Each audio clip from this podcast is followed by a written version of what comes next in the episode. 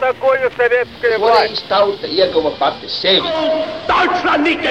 Liktenīgas nejaušības un slēptas likumsakarības, subjektīvas patiesības un objektīvi aizspriedumi. Pēc atkušņa nekad nenāk uzreiz pavasars, bet sākās Arī šodien cilvēki ir ļoti tuvredzīgi. Viņi redz to naudu, kas ir. Televīzijā jau pamatā notiek cīņa par varu. Pagātne no šodienas skatu punkta un šodienas caur pagātnes prizmu. Raidījumā šīs dienas acīm. Katru svētdienu Latvijas radio eterā Eduards Liniņš. Labdien, cienījamie klausītāji! Šodien vēlos atgādināt par notikumiem, kas mūsu reģionā risinājās 1939. gada septembrī un joprojām saglabā savu aktualitāti arī šodienas ģeopolitisko procesu kontekstā. Krievijas federācija, piesavinājusies Padomju Savienības vienīgās mantinieces lomu, savu šodienas tēlu būvē cita starpā no vēstījuma par Otro pasaules karu.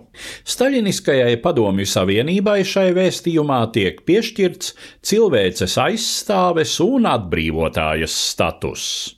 Taču ar šo nostādni diezko nesaskan zināmais par sadarbību starp Padomju Savienību un nacistisko Vāciju Otrā pasaules kara sākuma posmā. Pirmām kārtām Polijas neatkarības iznīcināšana un Austrumēropas sadalīšana tā sauktā Molotova-Ribbentropa pakta rezultātā. Kā zināms, Otrais pasaules karš sākās ar Wehrmachta iebrukumu Polijā 1939. gada 1. septembrī. Savukārt 17. septembrī agresijai pievienojās Padomju Savienība, sarkanajai armijai okupējot vācu spēku vēl neieņemtos apgabalus Polijas austrumdaļā. Abu totalitāro režīmu kopīgā militārā akcija vainagojās ar vairākām Wehrmachta un sarkanās armijas kopīgām parādēm, no kurām zināmākā notika Brestā, tagadējās Baltkrievijas teritorijā 1939. gada 22. septembrī. Šis vēstures fakts arī kalpoja par atspēriena punktu manai sarunai ar vēsturnieku, Latvijas Zinātņu akadēmijas īsteno locekli, profesoru Inesi Feldmani. Šī parāde, kas tiek piesaukta joprojām kā tāds spilgtākais apliecinājums tam, kā abi totalitārie režīmi, staļiniskais un hitleriskais, sadarbojās iznīcinot toreiz 39. gada rudenī Polijas valsti, un ir, protams, nepatīkams fakts, sevišķi jau joprojām mūsdienu Krievijas tai oficiozās vēstures daļai, kura cenšas uzsvērt Padomju Savienības pozitīvo lomu Otrajā pasaules karā, un kurai, protams, viss, kas saistās ar Molotovu-Ribbentropa paktu un um, Otrā pasaules kara sākumu, ir visai slidens temats. Vispirms par notikumiem, kas bija pirms šīs parādes. 1939. gada 17. septembrī sarkanā armija iebruka Polijā no austrumiem pēc nedaudz vairāk kā divu nedēļu ilgā Vācijas uzbrukuma, kas ir sagrāvis lielā mērā Polijas armiju. Varšava tobrīd jau ir ielēgta, bet Polijas austrumu daļa vēl atrodas tobrīd poļu rokās, un tur iebrūk pēkšņi sarkanā armija. Cik negaidīts pasaulē bija šis notikuma pavērsiens? Jūsu jautājums jau tāds ļoti globāls. Viennozīmīgi atbildēt uz to jautājumu ir visai grūti. No mūsdienu viedokļa skatoties, tam nevajadzētu būt nekādam pārsteigumam. Bet, ja mēs zinām to, kā reaģēja poļi uz šo iebrukumu, tad nu, iznāk, ka poļu valsts vīri un poļu militārie vadītāji bija ļoti turecīgi. Viņiem bija sava pārliecība par Padomju Savienību. Tāda noteikti nebija Britiem, tāda noteikti nebija pašiem vāciešiem, kas bija Padomju Savienības sabiedrotie tajā laikā. Bet šo poļu militāro un politisko vadītāju turedzību man tik tiešām ar vien vēl vairāk pārsteidz. Gatavojoties šim raidījumam, mazliet paskatījos, kādi ir tā laika avoti un kā tas tiek atspoguļots.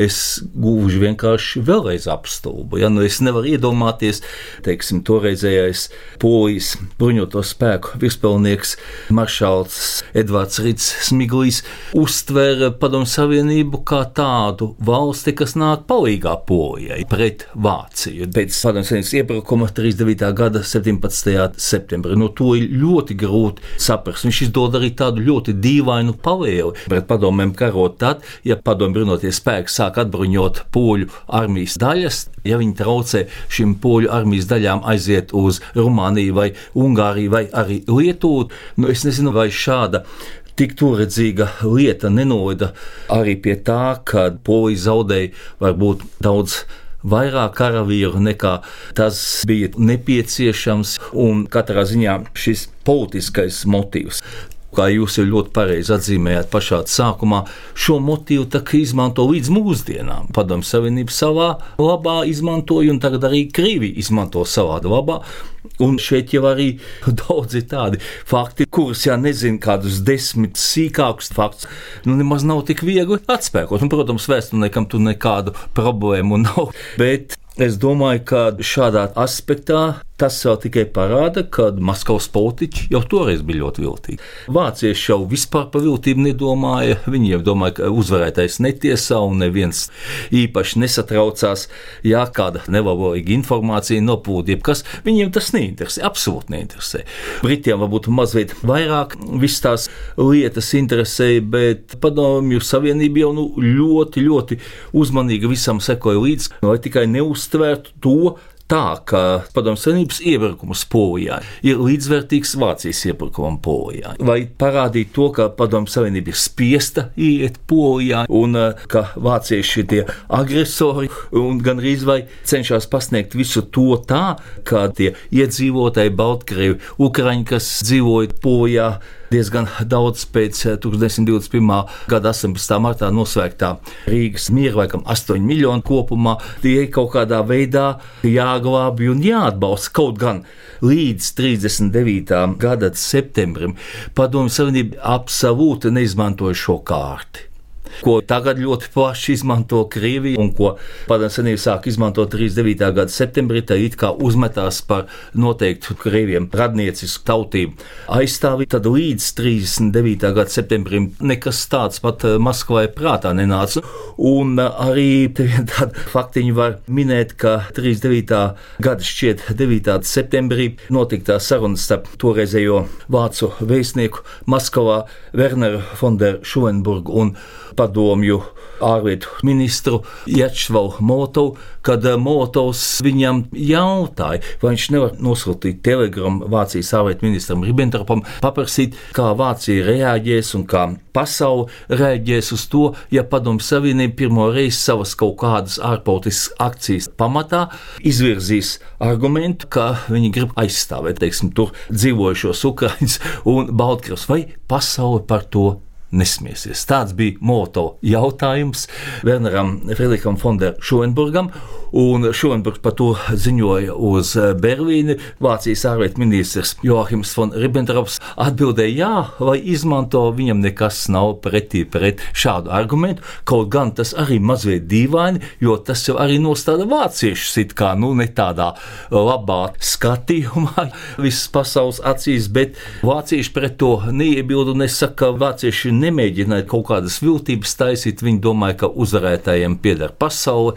Tādā veidā arī pret krievu gājieniem neiebilda, kaut gan pilnīgi ir skaidrs. Vācija jau it kā gribēja, lai Padomju Savienība uzbruk reizē ar Vāciju, Polijai, jo tad būtu vienkāršāk redzēt divas lielvalstis uzbrukumu.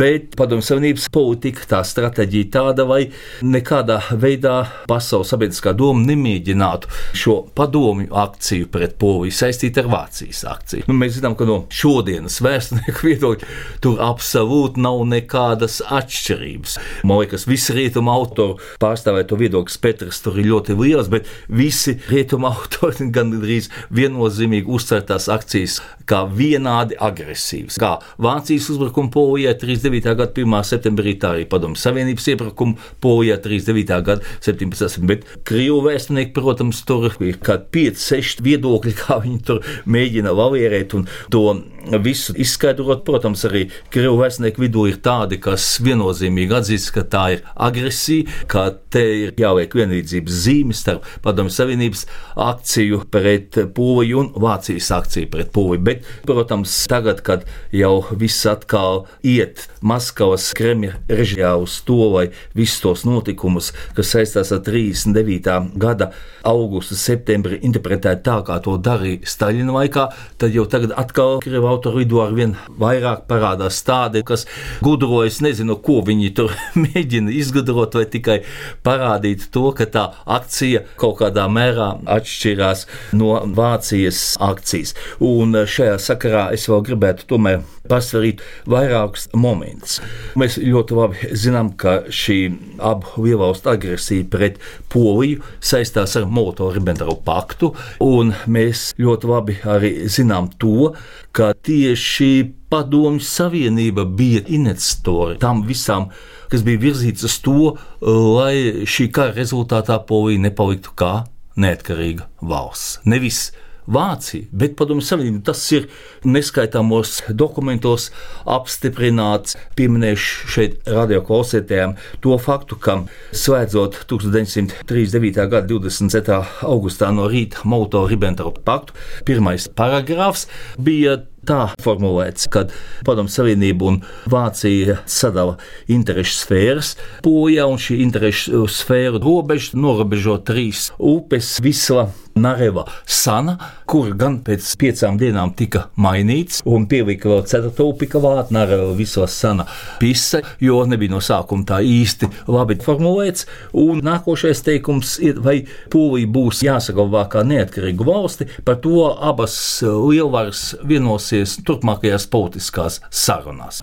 Un turpmākās politiskās sarunās šis jautājums tiešām tiek izvirzīts mazliet vēl pēc mūsu tā apstāmā notikuma, pēc 39. gada 22. septembra, pēc šīs kopējās militārās parādes, un tad pēc trīs dienām, 1939. gada 25. septembrī, Staļinam bija saruna ar Vācijas vēstnieku Werneru Frederiku Fonderu Šovenburgu, un Šovenburgs ziņoja uz Berlīnu par šīs sarunas rezultātiem, un šeit bija akcentēta viena doma, ka Padomu Savienība iestājas par to, ka nav ieteicams saglabāt Poliju kā neatkarīgu valsti. Vienlaikus, un tas arī ļoti interesanti ir mūsu klausītājiem, vienlaikus Staļins pateica, ka viņš tūlīt ķersies pie Baltijas problēmas risināšanas Molotov-Ribbentrop pakta garā. Sāks īstenot arī Baltijā savas tiesības. Attiecībā uz Baltiju mazliet tā situācija bija savādāka. Viņa tika mazliet piebramzēta un atlikta, bet par Polijas valsts iznīcināšanu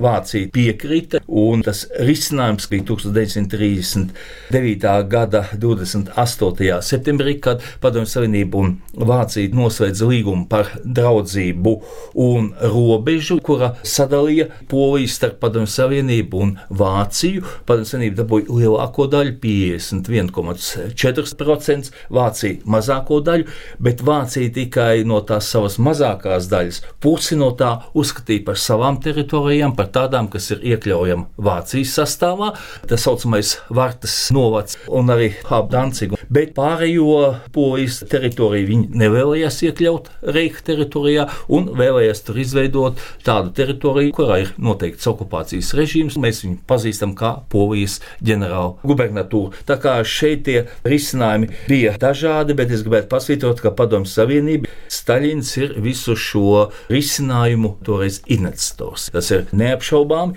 Teikt, kas bija investors mūsu sarunas tēmai 1939. gada 22. septembrī notikušajai parādei, nu, Bresetē kā pirmā izvirzās, notika jau, jau kādās 3-4 pilsētās, Grodņā, Lovas pilsētā un citur šīs militārās parādes. Runājot par Brestu, kāpēc tas pirmām kārtām saist uzmanību, jo tieši no Brestas ir saglabājušies fotomateriāli, jā, visi, jā. kur ir redzams ģenerālis Heinz Guderjāns Jans, Vācijas spēku komandieris un uh, padomju brigādes komandieris uh, Semjons Krivošēns.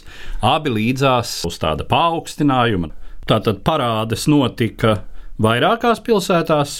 Šīs pilsētas sākotnēji ieņēma Vācijas karaspēks, un pēc tam saskaņā ar Molotovu-Ribbentropa paktā paredzēto teritorijas sadalīšanu. Šīs pilsētas vācieši atstāja, tajās ienāca sarkanā armija un notika tādas varas nodošanas ceremonijas, nolaižot uh, Vācijas karogu, paceļot Padomju Savienības karogu. Tur ir dažādi viedokļi par to, kā tad īsti tas notika, vai vācieši vienkārši marša ierindā aizgāja un sarkanā armija marša ierindā ienāca, vai arī tomēr tās bija kopīgas parādas. Vācijas ārlietu ministrijas politiskā arhīvā ir saglabāts ļoti daudz fotografijas, un uh, to neviens nevar apšaubīt un nevar noliegt. Tas jautājums, uz ko ļoti grūti atbildēt, kas tāda investori. Es domāju, ka varbūt tomēr uh, investori ir vācu puse, jo man liekas, ka vāciešiem bija ļoti izdevīgi parādīt, ka viņi tomēr kopā ar Padomju Savienību ir poliju sagrāvuši, un līdz ar to šāda uzvaras parāda ir tāds spilgts apliecinājums tam. Tas arī it kā bija vāciešu nepiepildīto cerību apliecinājums, jo te jau tomēr ir kopīgi militāri parādi. Tas nozīmē, ka uh, abi karaspēki ir kopēji cīnījušies, un dabiski, ka polijas teritorijā jau mūsu pētnieki ir atklājuši daudzas vietas, kur kopīgi padomju karaspēks ar vācu karaspēks grāva. Polijas karaspēks tas nav nekāds noslēpums. Šajā gadījumā likās, ka vāciešiem nu mazliet kremta tas, ka padomju savienība it kā iebilda kad atklāti Vācija un Padomju Savienība tiktu pasvītrotas par tādām valstīm, kuras savstarpēji saista militāri, politiska vienošanās, ka tās ir tādas valstis, kas arī kopēji karo, kam ir kopēji mērķi. Vācijas ārlietu ministram Ribbentropam, kad viņš devās uz Maskavu uz otrreizējām sarunām 1939. gada 27. septembrī. Tāds nolūks arī bija noslēgt ar Padomu Savienību īstu militāru aliansi.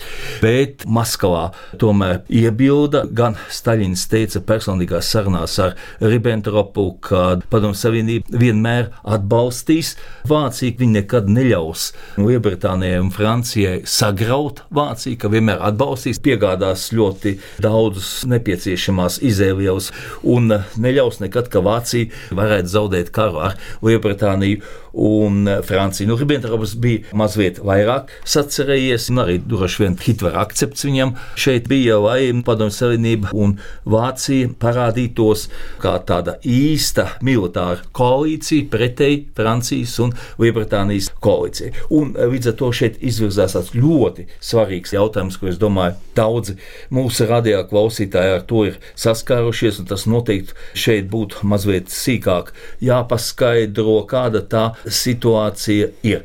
Tas, kas starp Padomju Savienību un Vāciju kopš 1939. gada 23. augusta pastāv savienība, par to neviens vēsturnieks nopietns nestrīdās.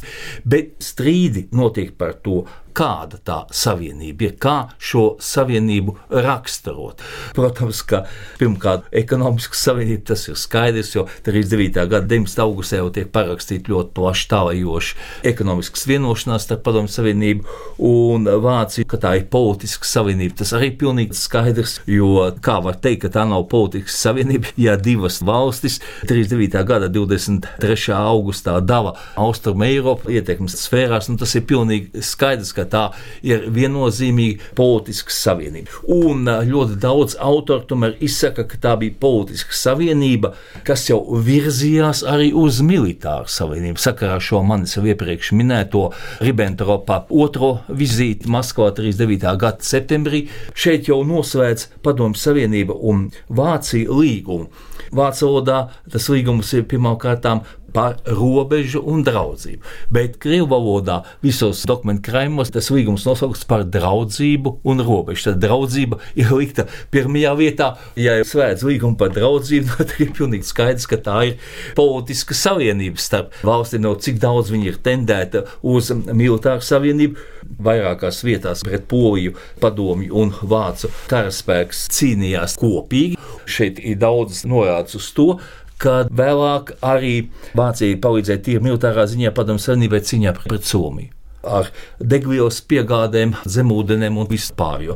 Bet izjūt no tā, kā viss tas vēsturē tiek skatīts un vērtēts, es domāju, ka mums pareizāk būtu teikt, ka starp Padomju Savienība un Vācija tajā laikā pastāv ļoti cieša ekonomiska un politiska savienība ar tendenci pārvērsties arī par militāru. Kāpēc?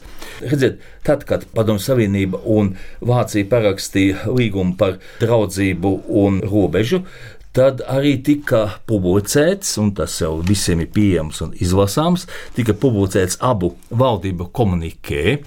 Un šim komunikē tie autori, kas risina šo jautājumu, cik cieša bija koalīcijas ar Padomu Savienību un Vāciju, pievērš šim komunikē īpašu uzmanību. Un kas te ir teikts?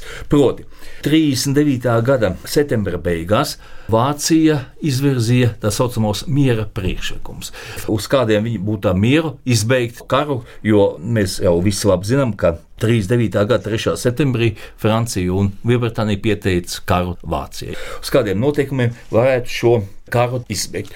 Un te vēsturnieki visu laiku pievērš uzmanību vienai tādai frāzei. Ja Lielbritānija, ja Francija noraidīs šo Vācijas priekšlikumu par miera noslēgšanu, tad Vācija un Padomju Savienība kopīgi risinās jautājumu, kā tajā situācijā rīkoties. Un tā ir pilnīgi jau skaidrs, ka šīs valstis apliecina sevi kā politiskos sabiedrotos, apliecina sevi kā tādas valstis, kuras ietilpst tādā politiskā koalīcijā. Nu, mēs jau arī visu laiku tā tēvaini runājam par Adolfu Hitleru un Josifu Staļina sadraudzības 22 mēnešiem, kas turpinās līdz 1941. gada 22. jūnijam visu laiku runājam, ka šajā sadarbības periodā abas lielvalstis rīkojās ļoti saskaņoti. Abām lielvalstīm šajā sadarbības periodā izdevās iznīcināt 12 valstu neatkarību un divām valstīm atņemt ļoti plašas teritorijas.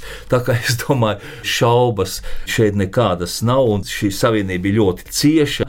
Varētu teikt, ka visa padomju savienības arī militārā darbība taču bija izdevīga Vācijai un visa Vācijas militārā darbība bija izdevīga padomju savienībai. Tā kā te es domāju par to savienības raksturu tādā aspektā nemaz nav nepieciešams daudz strīdēties, jo šī savienība ir ļoti, ļoti cieša un varbūt pieminēšu, ka mūsdienu Krievijas autori nu, reizē izvirza tādas, manuprāt, diezgan tādas nepārdomātas Un, piemēram, ir tāds krievu autors, Mihāls Mīķehovs. Viņam ir ļoti interesanti darbi, un viņš tagad mēģina pārstāvēt tādu viedokli, ka Padomju Savienība ir agresors iepratīm Polijai 39. gada septembrī. Mīķehovs atzīst, ka tā ir Padomju Savienības agresija, vistiešākā agresija pret Poliju, jo tad šur tiek pārkāpta attiecīgi starptautiska līguma, līguma, kas slēgta ar Poliju un tā tālāk, un karaspēks arī iebrūk. Un viņš tādās niansēs šeit jau dabiski neielaižas, attaisnot to būtu grūti, bet e, viņš arī tajā minētajā darbā it kā mēģina no vienas puses lietot mūsdienīgus terminus.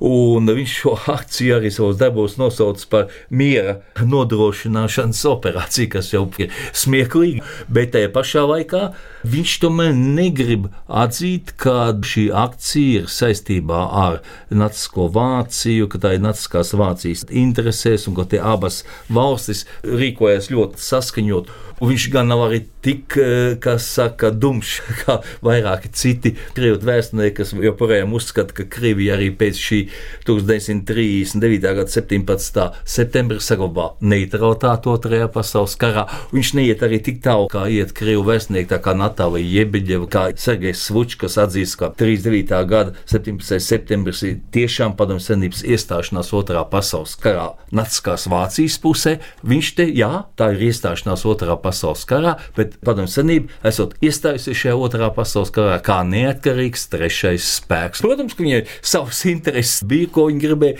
sasniegt, bet taču neviens noveikt, ka iestāšanās objektīvi ir Naciskās Vācijas pusē šajā karā. Tā ir tāda viena niansētāka pozīcija, kādā veidā Krievijas vēstnieks šeit cenšas mazināt to Padomju Savienības noziedzības pakāpi, iesaistīties karā pret Poliju. Kaut gan es domāju, ka šeit tas ir absolūti lieki, ka tas nevienu nepārliecina.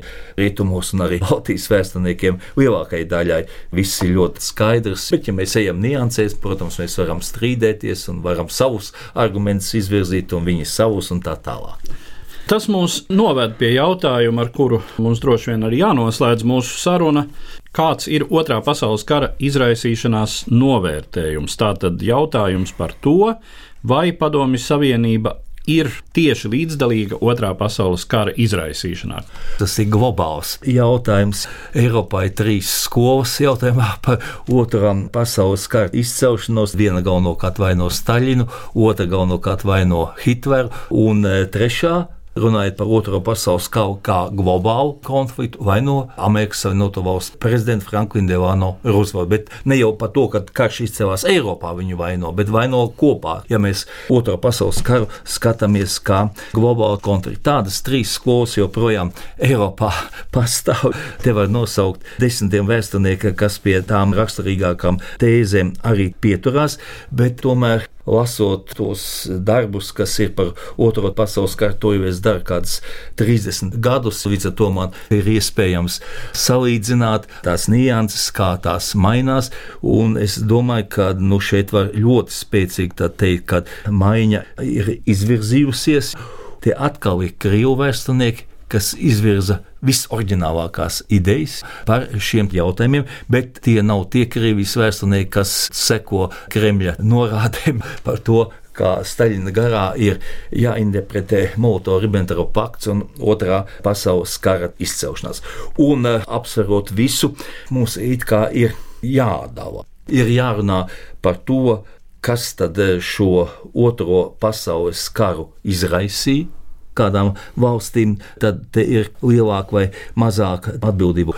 Un ir jārunā mazliet plašāk par to, kādā veidā pie tā kara Eiropā 39. gada septembrī nonāca un kādi te tie galvenie faktori, kas to noteica. Un tad, vai tā īsi pateikt, es neesmu savu viedokli mainījis, ka Molotovu-Ribbentropa pakts, nu, respektīvi Padomju Savienība un Vācija ir galvenās kara izraisītājs 39. gada septembrī. Ja mēs par 39. gada septembri uzskatām, te arī vēsturnieks strīdi, uzskatām par otrā pasaules kara sākumu, nu, tad Padomju Savienība un Vācija ir otrā pasaules kara izraisītājs. Bet Otrs ar tādu mazu niansi, tomēr ir jautājums par atbildību. Un te, ja skatās globāli, viss kā tās diplomātiskās sarunas notika 38. un 39. gadā, te tomēr izvirzās daži citi secinājumi, un es arī kaut kur varbūt piekrītu dažiem Krievijas autoriem, kas cenšas uzlikt atbildību par